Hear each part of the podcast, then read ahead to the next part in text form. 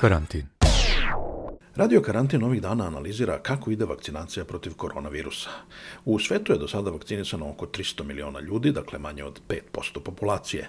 Izrael je daleko najuspešnija zemlja kada je vakcinacija u pitanju. Tamo je prvu dozu vakcine dobilo više od polovine stanovništva, dok u Evropi najbolje stoje Velika Britanija i Srbija.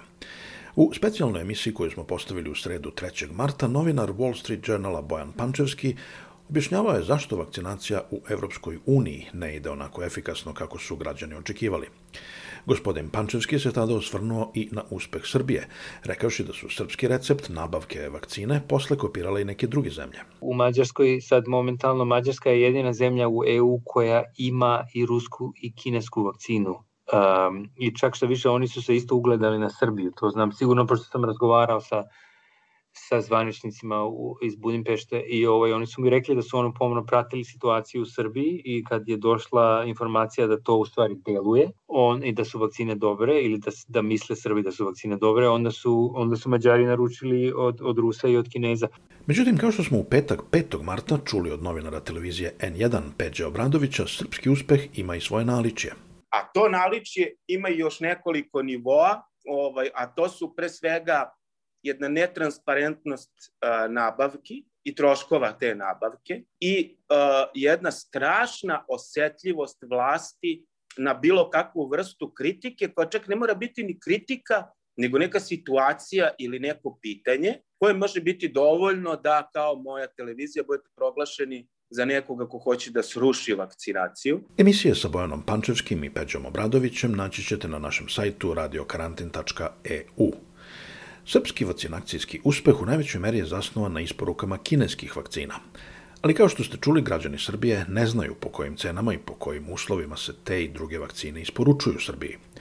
I ono što je možda još važnije, postavlja se pitanje kakve će biti dugoročne ekonomske i političke posljedice ovog sve intenzivnijeg srpskog oslanjanja na Kinu. Ja sam Aleksandar Kocić i o tome danas razgovaram sa ekspertom za međunarodne odnose u Beogradskom centru za bezbednostnu politiku Vukom Vuksanovićem.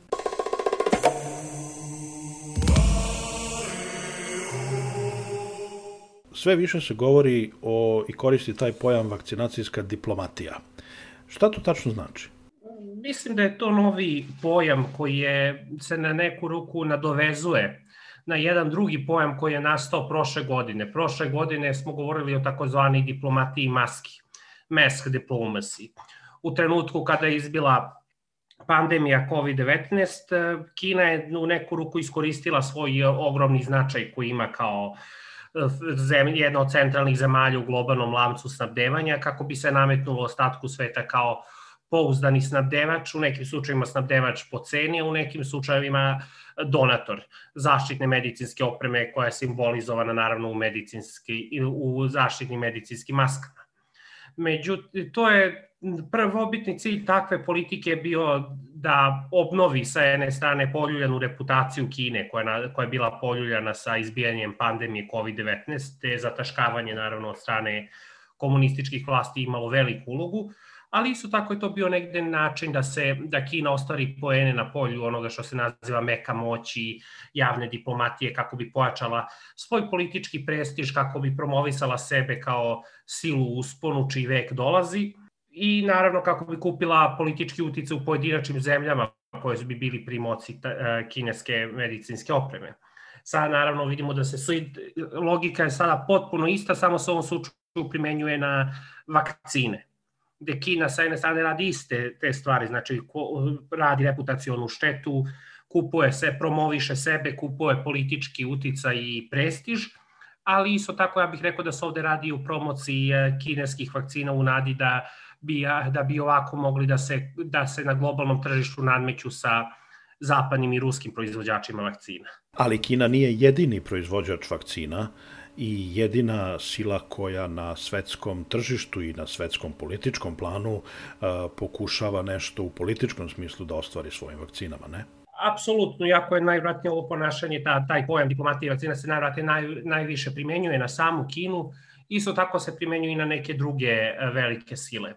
Rusija svakako primenjuje tu, to kada je u pitanju Sput, Sputnik 5 vakcina, To smo čak videli u slučaju Indije. Indija je isto na neki svoj način uključena u svoju diplomatiju vakcina zbog činjenice da je veliki broj fabrika za proizvodnju vakcina, poput recimo AstraZeneca, imaju svoje proizvodne pogone na, Indis, na teritoriji Indije i samim tim Indija takođe se trudi da se takmiči sa svojim velikim rivalom Kinom na, na, na tom polju donacije vakcina. To smo čak videli u Beogradu da je preko indijske zapravo ambasade posle Kine donirano ovaj Srbiji eh, AstraZeneca vakcine. A možemo vidjeti čak iz primere pojedinačnih zemalja. Videli smo svakako Izrael da donirali, čak smo videli sada naravno i primer Srbije da čak i Srbija ima neku svoju mini uh, diplomatiju vakcina koju primenjuje prvenstveno u jugoistočnoj Evropi na primjeru zemalja bivše Jugoslavije. Videli smo naravno i donacije donacije Pfizerovih vakcina ovaj, Makedoniji, videli smo i donacije Sputnik vakcina Crnoj Gori, skoraš, skorašnja poseta Aleksandra Vučića Sarajevu, da je, federa, da je celo i Bosni i Hercegovini isto poklonio određeni mali kontingent vakcina. Na to ćemo se vratiti za sekund, samo sam teo da vas pitam ovo, kad, evo, počeli smo da pričamo o Kini. Uh, recite mi, jedno je ta takozvana meka moć, znači ostvarivanje nekakvog političkog uticaja i jačanje imidža jedne zemlje preko vakcina, ali pre svega da pojasnimo slušalcima vakcine, niko ne poklanja vakcine, se prodaju, je tako? Već, u većini slučajeva se prodaju, mada ne treba biti pošteni reći da mi to nikada ne možemo pouzdano znati. Veliki problem načina na koji Kina deluje operativno to je da su veoma često ugovori koji regulišu saradnju Kine sa određenom zemljom su najčešće tajni i netransparentni. Mi recimo kada je Kina donirala prošle godine zaštitu medicinsku opremu, mi uopšte nigde nismo imali elegantan pregled koliko toga je donirano od one medicinske opreme Srbiji, nešto je donirano, a koliko je zapravo kupljeno od strane e, Srbije. Čak je tada, prošle godine, predsednik Vučić je javno izjavio da zbog kineske ambasadorke Čembo on ne može da, e, da objavi tačne podatke. Sada smo imali mi delimično neki sličan e, izjavu da je on rekao ukoliko da je predsednik Vučić izjavio kada biste znali kako sam povoljnu cenu obezbedio za ove vakcine, podigli biste mi spomenik. Moguće je da je to zaista istina, ali nažalost mi ne možemo 100% biti sigurani u to upravo zbog te netransparentnosti koju prati e, kineski način poslovanja i kineski način političkog delovanja. S tim što netransparentnost kada je u pitanju nabavka zaštitne opreme i nabavka vakcina imamo praktično na globalnom nivou, jer mi ne znamo ni koliko se e, vakcine plaćaju i pod kakvim uslovima se nabavljaju ni u zapadnim zemljama. E, trenutno sve je još uvek obavijeno velom tajnosti, ugovori koje su, na primjer, u Evropi i u Britaniji objavili, objavile vlade sa AstraZenecom i sa Pfizerom su prilično redigovani, tako da se oni konkretni podaci, cifre e, ne vide. Ali kažete mi, iz vaše perspektive e, istraživača i nekoga ko je u Srbiji trenutno, e, kako vama deluje, e, kakvi su efekti na javno mnjenje toga što Kina pomaže Srbiju sa vakcinama?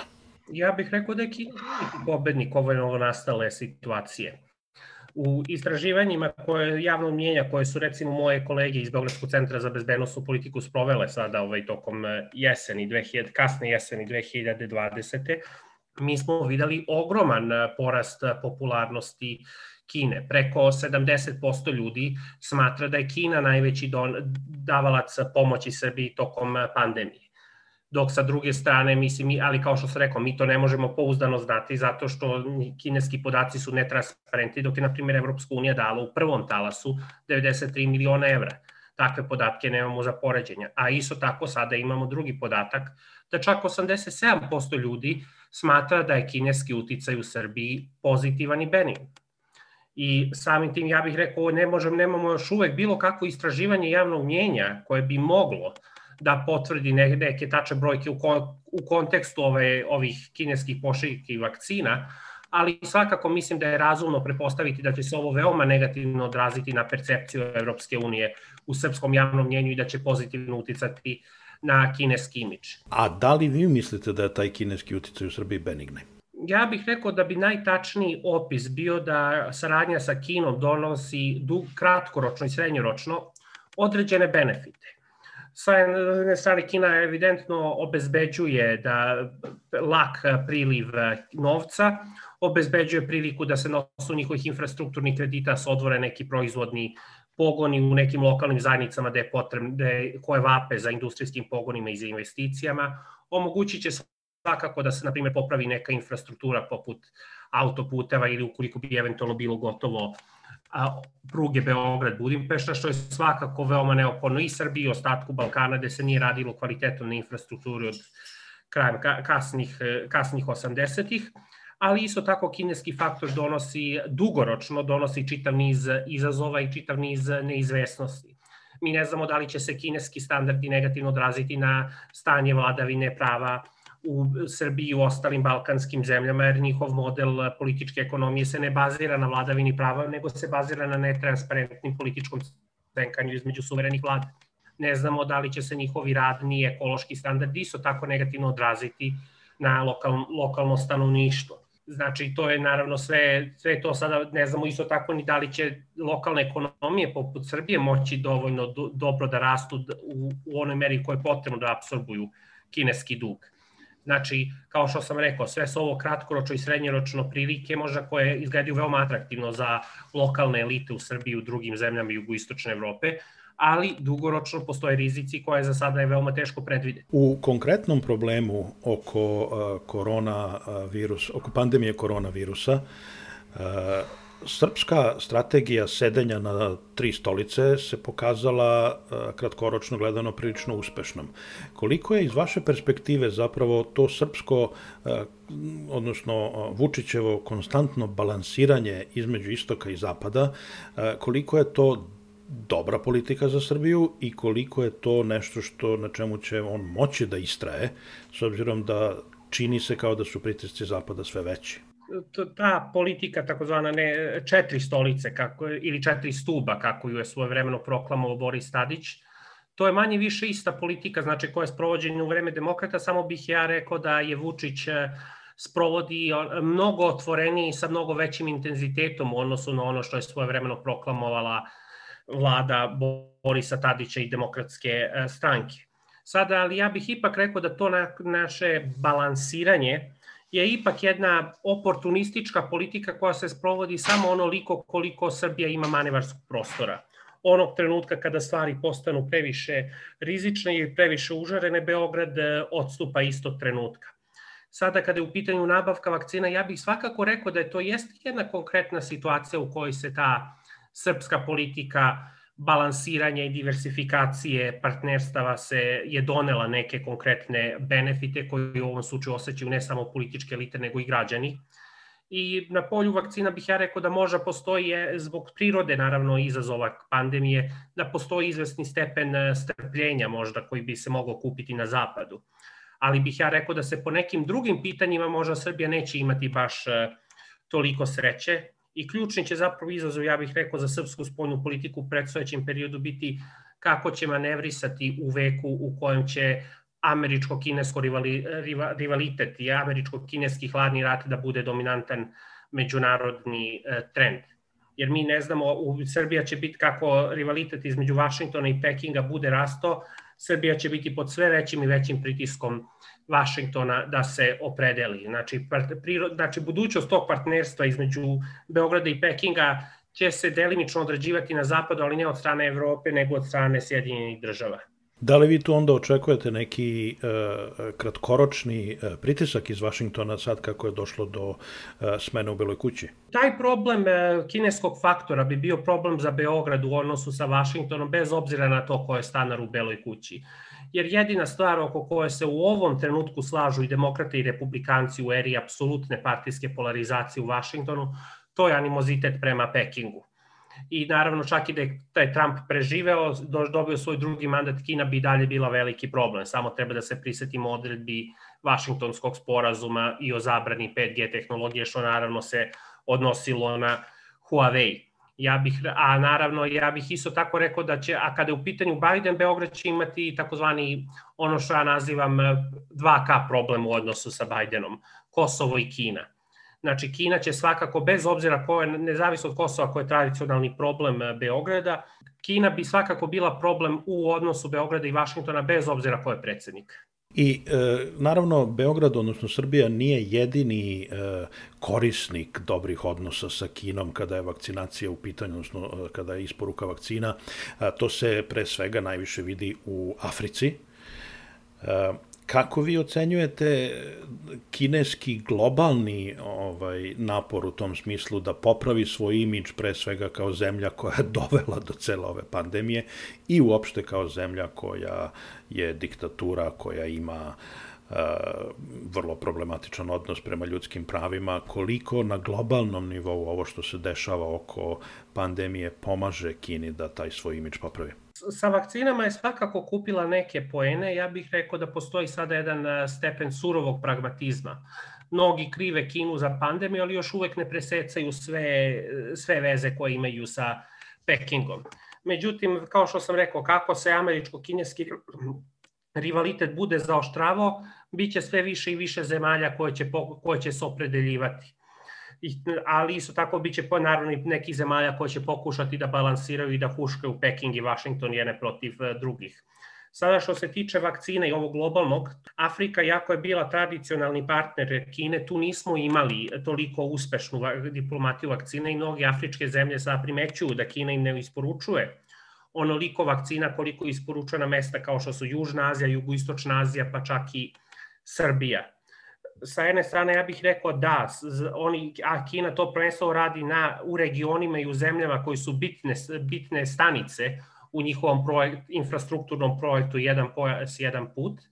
Međutim, isto tako, Srbija je veoma značajna u ovom globalnom njihovom naporu, jer oni na Srbiju gledaju i to je, to je logika koja se krije iza kinesko-srpskog partnerstva u velikoj meri Kina na Srbiju gleda kao na laboratoriju, kao na otvorena vrata ka Evropi. Jer oni veruju da ukoliko mogu da uspeju da ostvare efekat sa nekim industrijskim sektorom u zemlji koja je kandidat za članstvo u Evropskoj uniji, oni mogu kasnije da taj uspeh reprodukuju možda i na drugim tržištima unutar same Evropske unije. Mi to već sada vidimo sa nekoliko industrijskih sektora, građevina, odbrambena industrija, visokotehnološki sektor sa Huawei i sada naravno njihove vakcine i Srbija u tom polju, ja bih rekao da nije jedini uspeh i Mađarska je drugi, druga zemlja i ova zemlja koja je članica Evropske unije i NATO, koja je isto nabavila kineske vakcine, a mi sada vidimo i da se pojedine zemlje Evropske unije, poput Hrvatske i Austrije, isto dvoume oko toga kada vide da Srbija koja nije članica Evropske unije ispred njih po stopi vakcinacije, pa se isto dvoume da li da nabavljaju vakcine. Znači u tom pogledu Kina kada je u pitanju Srbije i kada je svakako uspešan primer, barem sa stanovišća kineskih ambicija. Sa druge strane, e, bogate zapadne zemlje, ne znam da li ćete se složiti sa mnom, e, deluju prilično okrenute same sebi e, u ovoj pandemiji i osim lepih reči ne pokazuju na delu neku veliku spremnost da pomognu ostatku sveta da se reši pandemije. Evropska unija ne može da nabavi dovoljno vakcina ni za samu sebe. Britanija pokreće nekakve inicijative da se viškovi vakcina proslede zemljama, pre svega preko programa COVAX. Biden je pre neki dan rekao da Amerikanci neće davati vakcine dok se ne vakcinišu svi građani Sjedinjenih država, ali da će pomoći finansijski program COVAX.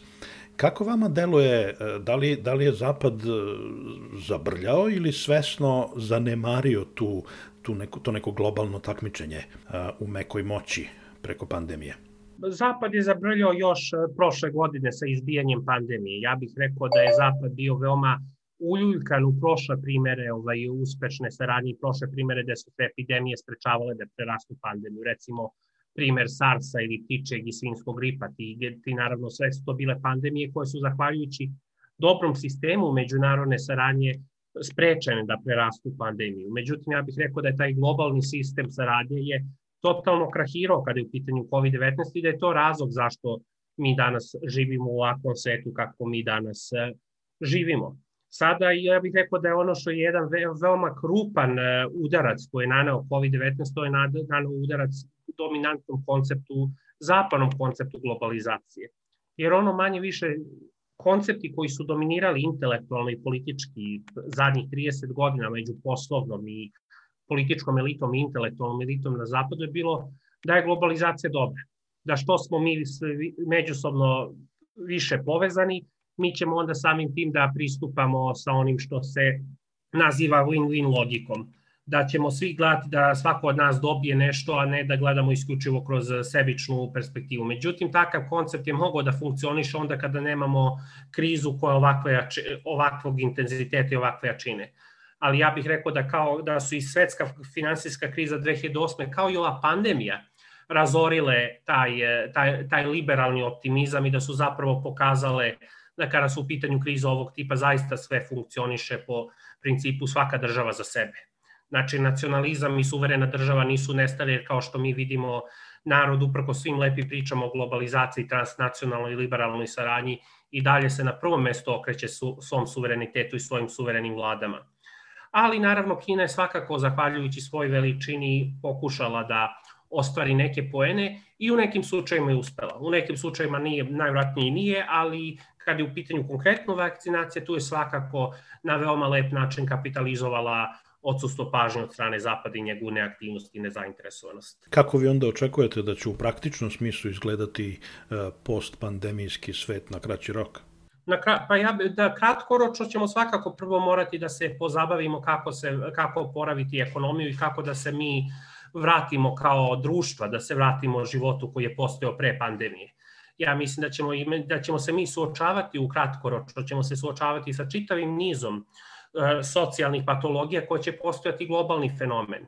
Visoki stepeni anksioznosti, nasilje u porodici, razvodi, deca koja zbog toga što nisu mogla da na regularan način pristuju školi koja će navrati da se utiče na njihov školski uspeh i kao i na njihove moguće buduće šanse u životu. To su sve svakako problemi koji postoje u društvima, ali zahvaljujući pandemiji oni će navrati postati globalni problemi. To su neki kratkoročni izazovi, kao i oporavak ekonomije. Ali dugoročno, svet se neće toliko promeniti, jer ja bih rekao da je pandemija na neki način samo pokazala neke trendove koji su već bili u toku. A to je trend jačanja Kine i e, vek u kojem će se rivalitet između Sjedinjenih država i Kine manje više da dominira svim krupnim međunarodnim trendovima. I čak i oni međunarodni procesi koji nisu direktno povezani sa Kinom i Sjedinjenim državama će neminovno biti inficirani tim širim procesom. I hoću da vas pitam za kraj, spomenuli ste uh, Kosovo. Obično oko Kosova uh, imamo u vidu nekakva tri moguća scenarija. Jedan je da se ovaj status quo uh, nastavi, evo sad je i Kurti rekao da njemu rešavanje statusa Kosova sa Srbijom nije prioritet. Drugi je da se dođe do nekakvog neformalnog priznanja Srbije Kosova, bez znači, formalnog diplomatskih odnosa i tako dalje. I treći je naravno da dođe do punog priznanja ovaj Srbije, odnosno Kosova od strane Srbije. Rusija je prilično aktivna u tom procesu, Kina, bar na površini, nije. Kako vi vidite ulogu Kine u tom procesu i da li će Kina sutra biti presudni faktor s obzirom na svoju poziciju u Savetu bezbednosti ako Srbija kaže u redu, mi ćemo da napravimo nekakav sporazum sa Kosovom, samo nemojte da ga zovemo zvanično priznanje. Što se tiče Kine, tu treba napomenuti činjenica da, da je Kina stalna članica Saveta bezbednosti koja nije priznala Kosovo jeste sa stanovišta Beograda bila, bio bitan faktor. to je jedan od razloga zašto je svoje vremeno vlada Tadića i Jeremića zaigrala na Kine, počela da igra na kinesku kartu, za njihovo vreme je potpisan sporazum o strateškom partnerstvu sa Kinom. Međutim, kada je u pitanju kosovski sport, tu, tu kinesku ulogu ne treba preterano naglašavati, jer kineska spoljna politika je da se u Savetu bezbednosti ne ulaže veto i da se ne štrči po sporovima i sukobima koji ne zadiru direktno u kineski nacionalni interes. Znači, Kina, ne, Kina je mnogo voljnija da prepušta Rusiji da ulaže svoj veto nego da ona sama štrči po kosovskom pitanju. Ne vidim da će Kina da kada je u pitanju diplomatija rešavanja ovog spora niti ulogu u Savetu bezbednosti, ne vidim da će oni da e, štrča i nastavit će, ja bih rekao, da lete ispod radara. Iako jednim delom bih ja rekao da je Beograd spreman između ostalog da igra sve više i više na kinesku kartu u nadi da bi zaplašio Zapad kako bi mu potencijalno Zapad možda dao bolju finalnu nagodbu oko Kosova. To naravno lepo zvuči u teoriji, ali vidjet ćemo da li će da da li će nužno da upali, jer nismo baš, nisam baš siguran ni koliko i ovaj ruski faktor uspeo da zastraši Zapad, iako je evidentno da, Kina, da Kinu mnogo ozbiljnije svata Zapad nego, nego Rusiju. Vuk Vuksanović iz Beogradskog centra za bezbednostnu politiku. Radio Karantin. Ako vam se dopada ovo što čujete, molimo vas da nam ostavite komentar ili ocenu na sajtu na kojem ste nas našli. I pomozite nam da nastavimo. Vaše malo nama znači mnogo. Naš rad u potpunosti zavisi od vaših donacija. Svaka novčana pomoć i ona najmanja znači nam zaista puno. Možete nas podržati stalnom, mesečnom ili godišnjom donacijom na Patreonu ili jednokratnom uplatom Paypalom. Sve informacije o tome kako da uplatite novac naći ćete na našem sajtu radiokarantin.eu. Slušajte Radio Karantin.